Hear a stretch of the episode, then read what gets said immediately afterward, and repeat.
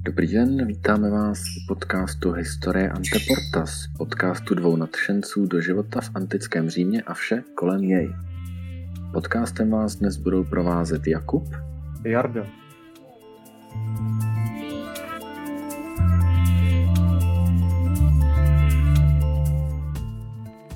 Dnes se podíváme na další svátky v římském světě.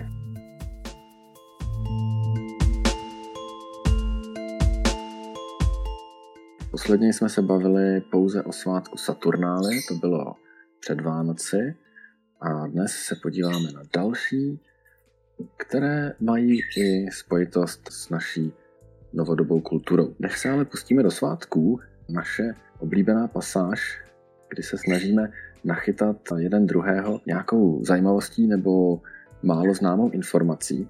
Skóre je poměrně vyrovnaný, tak uvidíme, jestli se nám dneska podaří převážit váhy na jednu nebo druhou stranu. Chceš začít, nebo mám začít já? Začnu já, ať se taky trošku prostřídáme. Mám hádanku spojenou s římským kalendářem. Možná, že tím ti hodně napovím, ale chtěl bych vědět, eh, kdo řekl komu následující větu. It březnových sestřes. Ještě ti napovím, že tahle konkrétní pasáž je z jedné Shakespeareovy hry. Aj, aj, aj, aj, aj. Dobře, Shakespeareova hra, tak to bude pravděpodobně Cezar? Jo. no, ale kdybys mi nenapověděl, tak bych to asi neuhádl. Bylo to opravdu Cezarovi určeno, takže asi netušíš, kdo mu to řekl a proč.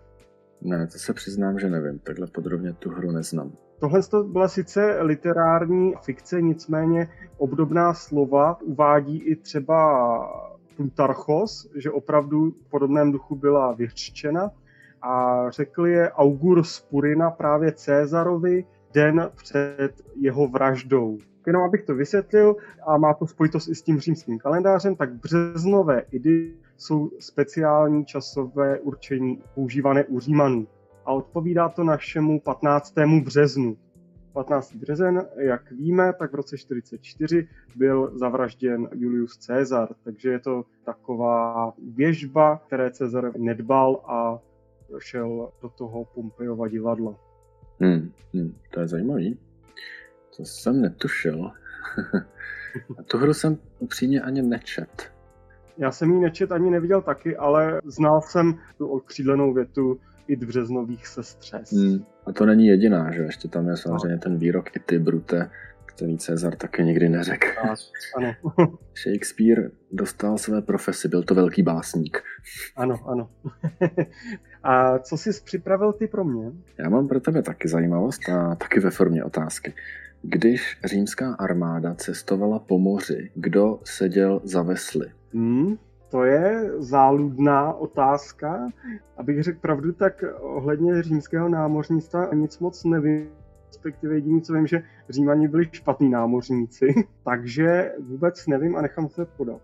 Za vesly jak by si možná někteří mohli myslet, neseděli otroci oproti Féničanům, kteří je používali, tak Římani veslovali na svých lodích sami. Byli to vojáci, legionáři. A ten důvod je prostý, protože v armádě mohli sloužit pouze svobodní občané a svobodní občané mohli být legionáři. V armádě nebyli žádní otroci, protože tam nebyli žádní otroci, také ani nepoužívali, takže vojáci si museli odveslovat celou cestu sami.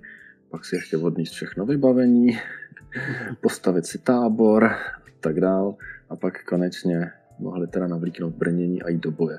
Všechno sami. Tohle, co se vysvětluje, proč Římané nevyhráli jedinou námořní bitvu, protože po té, co veslujete pár desítek, stovek mil, tak ještě se zúčastnit námořní bitvy je asi celkem dost složitý a náročný. Římské námořnictvo bylo zhruba tak stejně kvalitní jako italské pivo. Skoro všichni o něm slyšeli, ale nikdo ho nikdy nepoužil. tak to jsi mě opět taky obohatil, fakt zajímavý. Já jsem si teda myslel, že když se ptáš takhle, že to asi nebyli otroci, ale to vysvětlení je fakt zajímavý. Takže eh, jedna jedna opět. Zase je to plichta. Já bych se rovnou teďka vrhnul už eh, na to naše téma, které jsou římské svátky, ale já si na začátku vezmu takové obecné téma, a to je římský kalendář, protože překvapivě římský kalendář je trošku odlišný od toho našeho současného, ale překvapivě se tam zobrazuje spousta podobností. Takže já to zkusím vzít velice rychle. Římský kalendář, stejně jako náš, měl 12 měsíců. Ty měsíce byly většinou pojmenovány po nějakém bohu a nebo byly spojeny s nějakými náboženskými úkony. V rychlosti jenom projdu ty názvy, takže třeba leden byl Januarius, což byl měsíc boha Jana, únor Februarius, což je měsíc očišťování od latinského februáre, Březen byl Martius, měsíc boha Marta, duben byl Aprilis. To byl název dokonce etruského původu. Byl to odvozeno od bohyně Apru, kterou hmm. posléze římané stotožnili s Afroditou a i Venuší. Květen byl pak Május, což byl měsíc bohyně růstu Máji. Červen byl Junius, to byl měsíc bohyně Junony. A potom ostatní měsíce dostala pořadová čísla. Takže červenec byl Quintilius, to znamená pátý měsíc, ale po roce 44 před naším letopočtem, jak jsme se bavili o té vraždě Cezara, tak na Cezarovu počest byl pojmenován na Julius. Srpen pak byl Sextilis, což znamená šestý. V osmém roce našeho letopočtu na počest císaře Augusta byl přejmenován na Augustus. Další měsíce už zůstaly jako pořadová čísla, takže september, oktober, november a december. To znamená 7., 8., 9. a 10. měsíc. To trošku nesedí, ne? Když měsíců je 12 a prosinec je 10. Tak. Kde se ztratili ty dva? Jsem rád, že se ptáš, protože to byla vlastně vzpomínka na to, kdy římský rok začínal březnem to znamená, počátek eh, římského roku byl 1. března, tudíž prosinec mohl být desátým měsícem. Současně jen tak pro zajímavost určitě jste si všimli, že na rozdíl třeba od češtiny, tak většina evropských jazyků přejala ty latinské názvy měsíců, včetně třeba slovenštiny. Opravdu to jsou názvy měsíců pocházející od Římanů. To jsme si probrali měsíce, teďka v rychlosti jenom proberu roky počítání letopočtu u Římanů probíhalo velice zajímavě a to překvapivě od založení města, latinsky ab urbe condita, což znamená od založení Říma. Podle Tita Livia k tomu mělo dojít 21. dubna 753 před naším letopočtem. To znamená, že podle římského počítání času bychom letos slavili rok 2774 AUC neboli ab urbe condita. Ale aby to nebylo tak složitý, tak kromě založení města občas používali dataci založení Římské republiky, nebo používali dataci podle úřadu konzulů. To znamená, že stalo se to v roce vlády konzulů toho a toho. Takže potom archeologové musí zjišťovat, v jakém roce ty daní dva konzulové vládly mm-hmm. aby zjistili, v jakém roce je to datováno. To je docela složitý, protože potom je těch systémů hrozně moc. Člověk si musí pamatovat teda, kdy který konzul žil a jak dlouho a vlastně v, v jaký době od založení Říma to je hrozně mhm. komplikovaný. Ano, ano. A ještě se u těch konzulů uvádělo, jaké funkční období. Takže to třeba bylo v druhém funkční období toho a toho konzula, protože samozřejmě někteří ty konzulové vládli několik funkčních období a nemuseli jít ty období za sebou, takže by se pak nevědělo, v kterém tom období je ta datace. V tomhle opravdu římané měli trošku chaos. To, aby se člověk maloval na zem, jak to jde po sobě. Je to tak dokonce, když už mluvíš o malování na zdi, tak přímo v Římě existovala zeď, kam augurové každý den vyznačovali, který jeden v měsíci, který je měsíc, jestli jsou kalendy, idy anebo nony, protože to jsou speciální dny římské, které v současné době už nepoužíváme. Já začnu nejdřív u těch kalend. Kalendy byly vždycky první den v měsíci. Podle slova kalenda se vlastně odvozuje kalendář, jakože počítadlo dnů. Jak jsme si říkali v podcastu o Saturnálích, tak slovo kalenda pak plynule přešlo přes Slovany do slova koleda. Byl to vlastně nejvýznamnější den měsíce. Potom existovaly takzvané nony a idy. Nony byly pátý nebo sedmý den měsíce a idy byly třináctý nebo patnáctý den měsíce. Proto právě, když se Cezar měl střezit březnových id, tak víme, že měl mít se na pozoru před 15. březnem. A teďka, doufám, že to řeknu srozumitelně, protože ostatní dny v měsíci se odvozovaly od těchto tří významných dnů. Takže například pokud byste chtěli říct uh, 25. leden, tak byste řekli, že je to osmý den do únorových kalend, protože do prvního dne měsíce února zbývalo v té době 8 dní, takže to byl osmý den do únorových kalend, ne 25. leden. uh, trošku mi to připomíná jízdní řád našich vlaků. Tak. Jedná se o lichou sobotu před státním svátkem. je to tak. Dál vás ohledně tady těch datací ve dnech nebudu už trápit. Myslím, že na úvod to bylo víc než vyčerpávající. Už by asi bylo pěkné se trošku začít věnovat tomu našemu hlavnímu tématu a to jsou svátky. A obecní informace o římských svátcích vám teďka podá Jakub. Aha. Podíváme se na svátky a jak to vypadalo s něma. Svátky byly náboženský, ale lidi se jich nemuseli zúčastnit. Přesto ovšem byla účast hojná, protože se na nich rozdávalo jídlo. Takže to bylo velký lákadlo.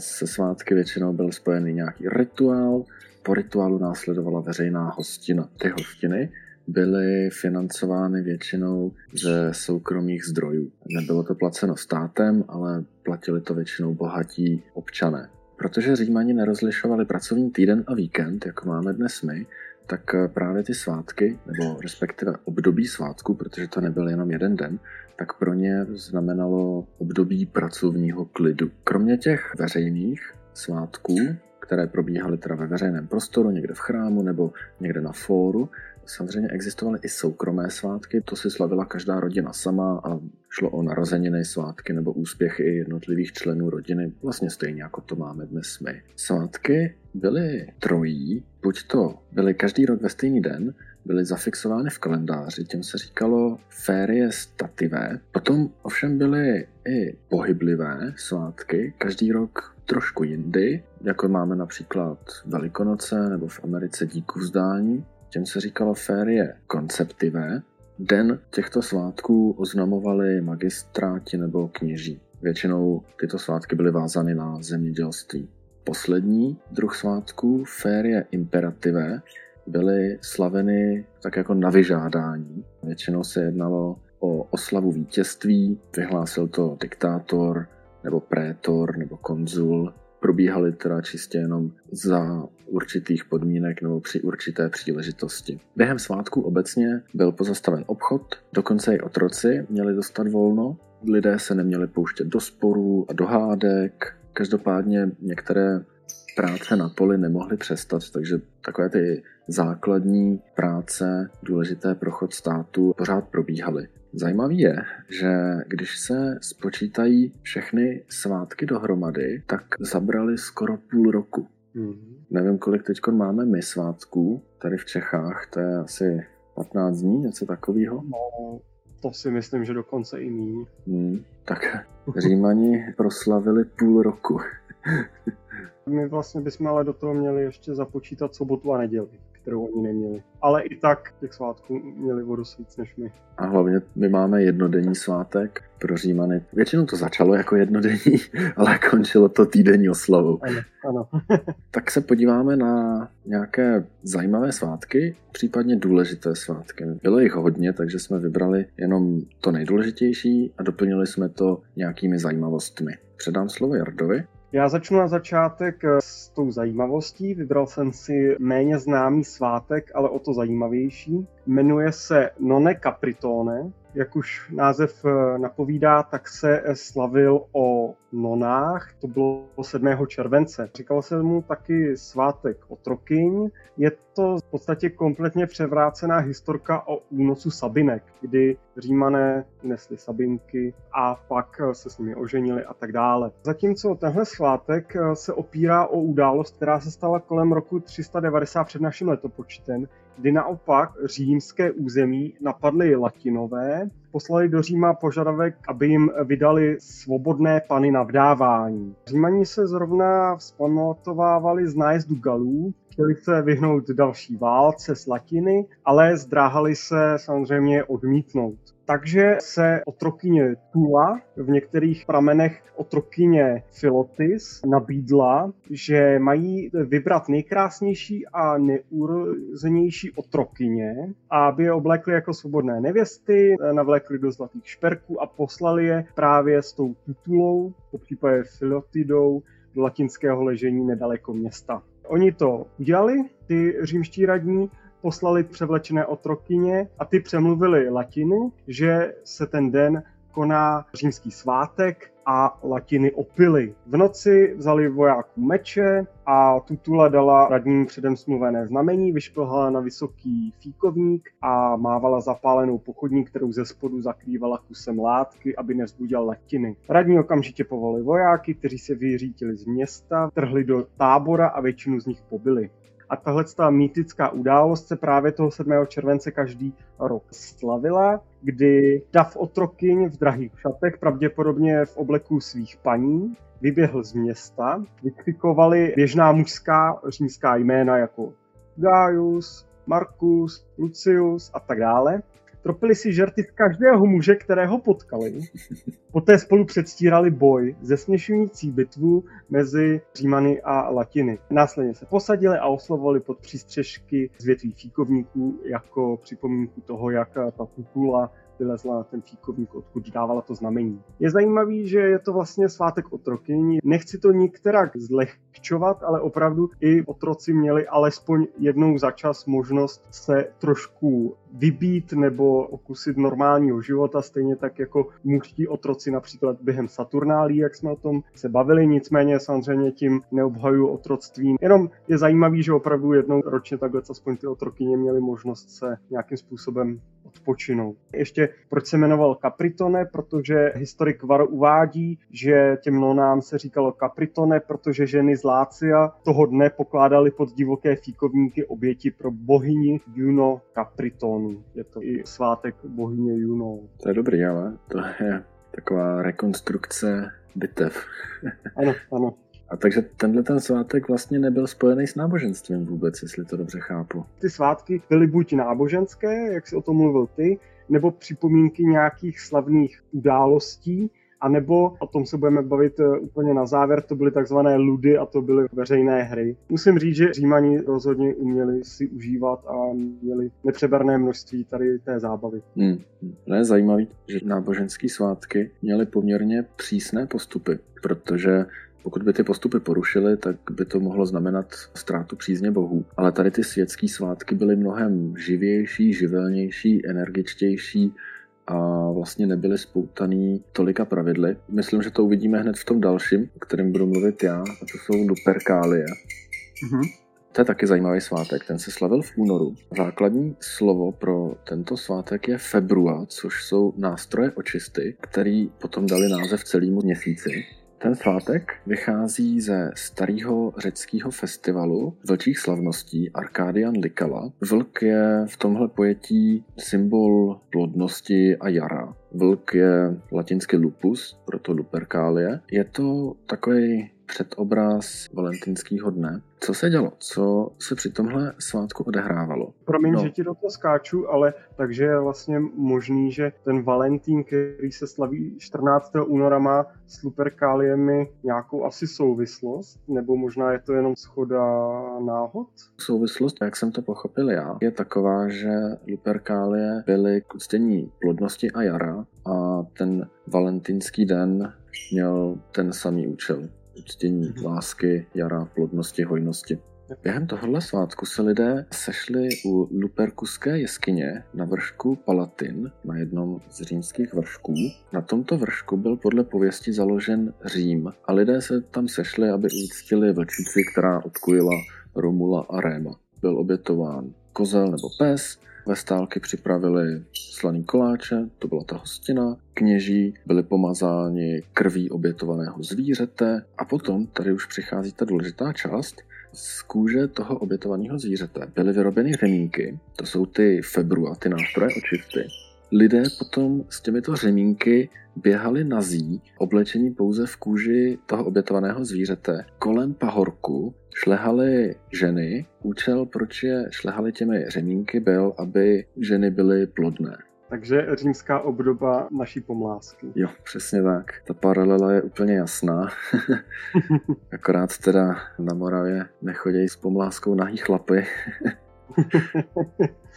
Během tohle svátku se dokonce římané pokoušeli o párování lidí, kdy si muži tahali jména žen ze džbánu takto vytvořené páry potom spolu museli zůstat ten den. Nezřídka se i stávalo, že spolu zůstali i na přes rok, až do dalších luperkálí a dokonce byly i případy, kdy takto vytvořené páry spolu zůstaly až do smrti, se zdali se a žili spolu. Takže takový antický speed dating, to no. se mi docela líbí. No, no, no, v podstatě jo. Nebo antický Tinder. Akorát si neměl možnost eh, swipeovat dole. jo, to je pravda. Dobrá, dobrá, tak eh, se asi posuneme k dalšímu svátku. Mám tady teďka svátek, který se jmenuje Liberalia. Je pojmenován podle římského boha plodnosti a vegetace Libera.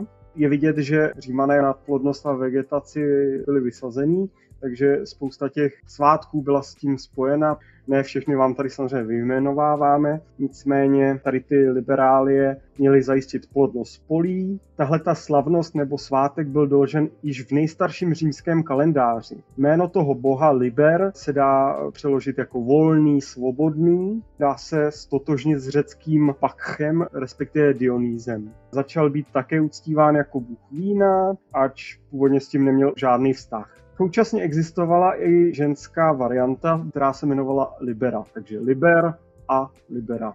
Ta byla spojována nebo stotožněna s bohyní Persefónou a postupně k těmto dvou bohům byla přiřazena bohyně Ceres. O této trojci, o Liberovi, Libeře a Ceres, se mluví jako o takzvané plebejské triádě. Je to vlastně lidový protipol takzvané triády kapitolské, což byly ty nejvyšší bohové římského panteonu. Kapitolská triáda obsahovala tři nejvyšší římská božstva, Jupitera, Juno a Minervu. Liber, Libera a Ceres byly vlastně uctívány spíš běžnýma občanama. Takže to byly takový bohové pro chudý. Přesně tak.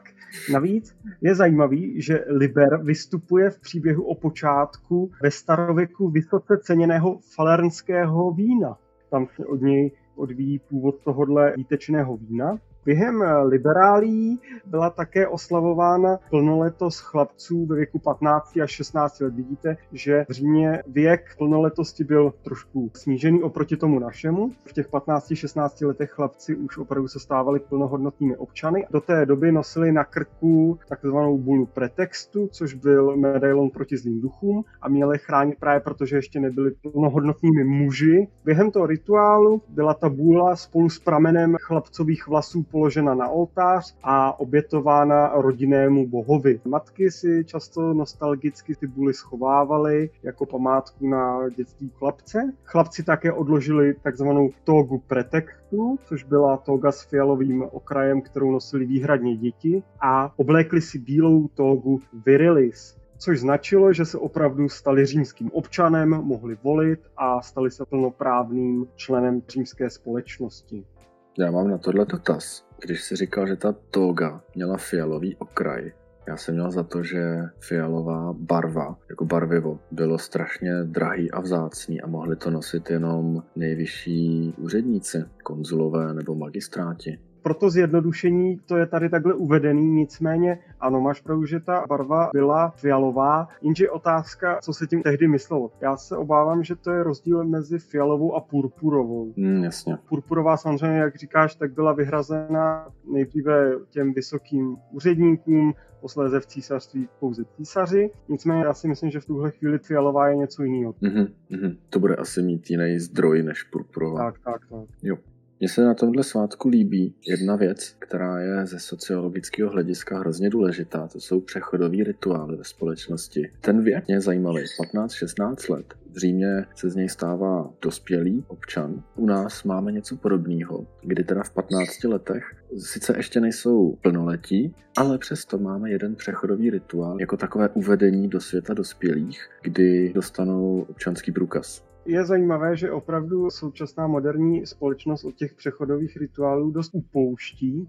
Ještě to samozřejmě bylo spojeno s represivním režimem, nicméně za minulého režimu. Přebírání občanského průkazu bylo spojeno s určitou slavností, kdy byl tomu novopačenému občanovi ten průkaz předán. Bylo to sice z jiných důvodů ideologických, nicméně ten přechodový rituál byl zajímavější a vlastně takový oficiálnější, než teďka si lidi prostě vyzvednou občanku. A... No, no, to, to proběhne jenom na úřadě bez nějakého ceremoniálu, bez fanfár. Vlastně jediný přechodový rituál, který máme asi, je vstup do vzdělávací soustavy. První školní den. Když to vezmeme v širším rámci, tak samozřejmě máme ještě nějaké přechodové rituály, Svatba je určitým typem přechodového rituálu pohřeb. V současné době to už tak vnímaný není, ale pro většinu lidí v historii to byl přechodový rituál mezi současným životem a posmrtným životem. Pak různé oslavy maturitní, po případě rozlučky se svobodou. Ale to jsou pozůstatky přechodových rituálů. Mm-hmm.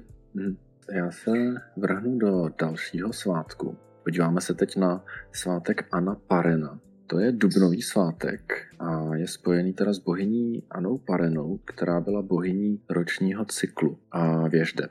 Už víme, že duben byl první měsíc římského kalendáře a tento svátek se slavil na Idy. Otázka pro pozorné posluchače, kolikátého to bylo?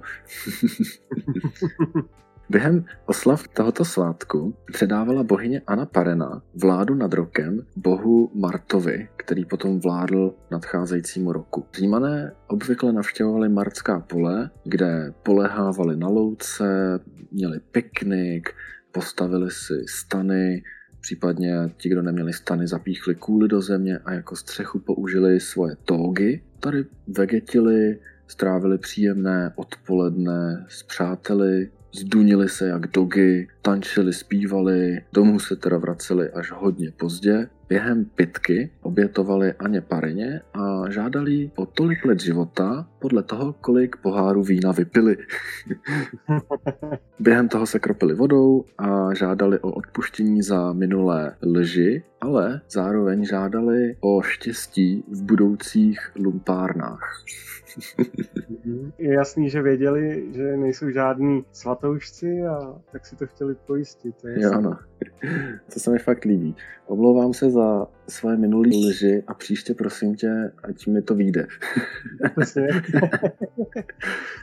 já, já bych radši slavil svátek Ani Pareny než klasický Silvestr. Myslím si, že příští rok už budu slavit rovnou. Co příští rok vlastně nás to teprve čeká? No, rok ještě neskončil. Pravda, takže nás teprve oslava Ani Pareny čeká.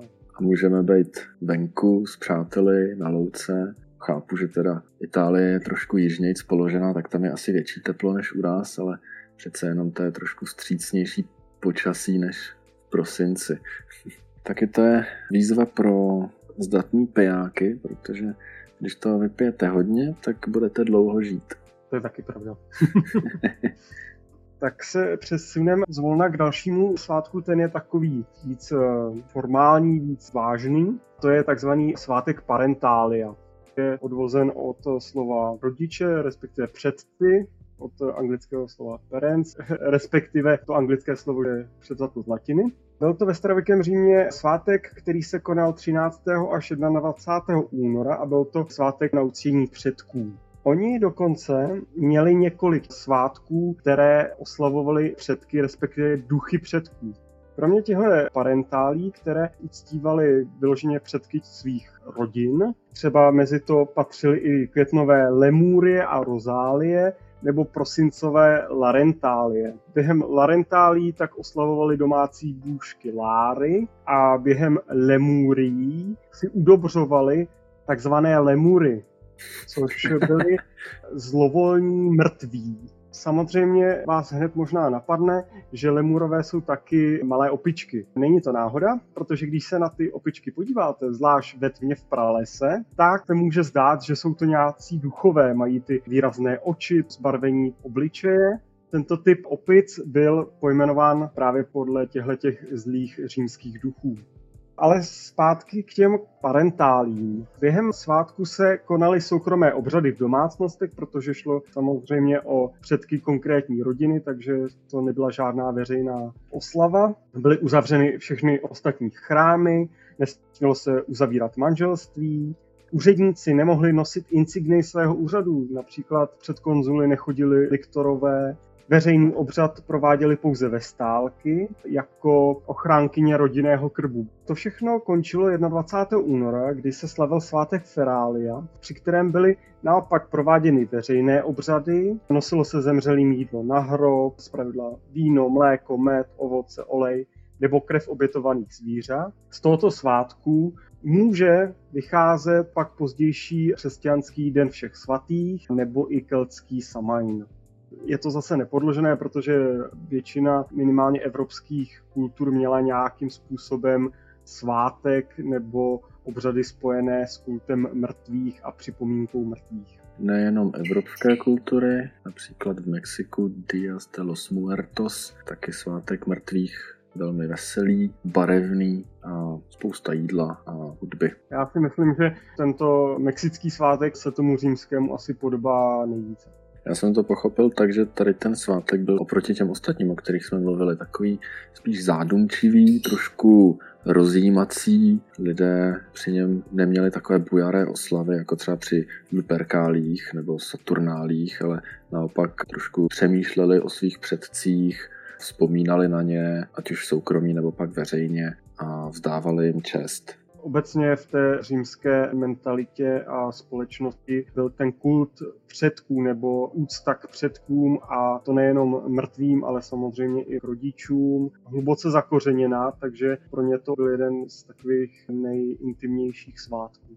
Hmm. Myslím, že to je pěkná tečka za svátky. Začali jsme velmi vesele a postupně jsme se propracovali až k velmi klidnému, až temnému svátku.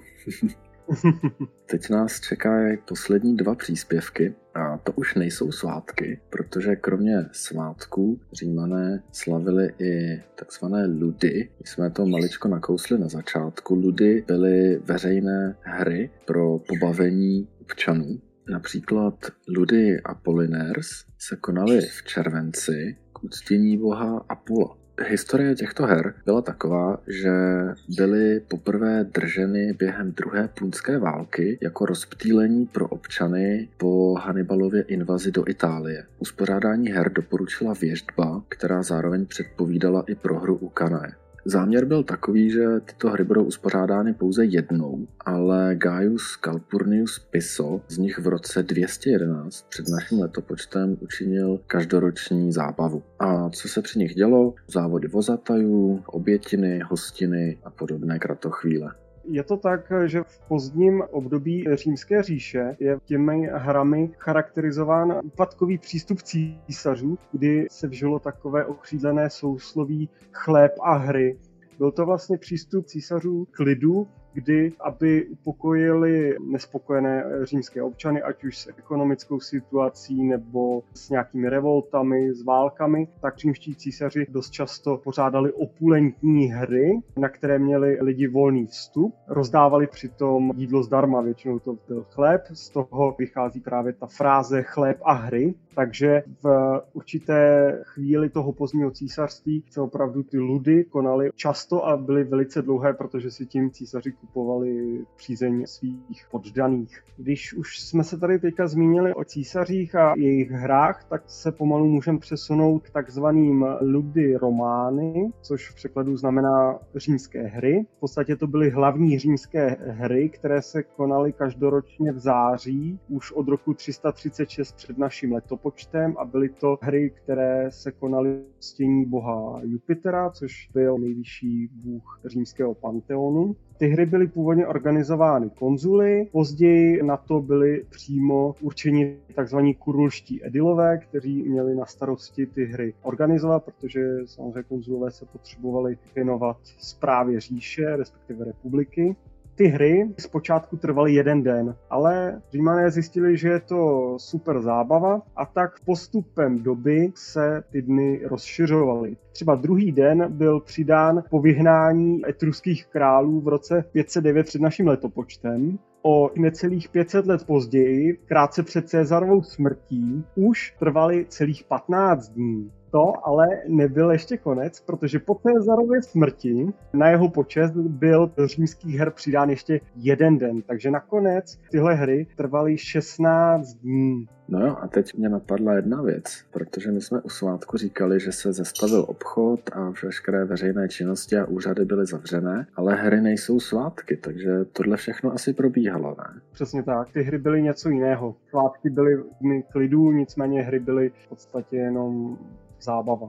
Hmm, takový festival.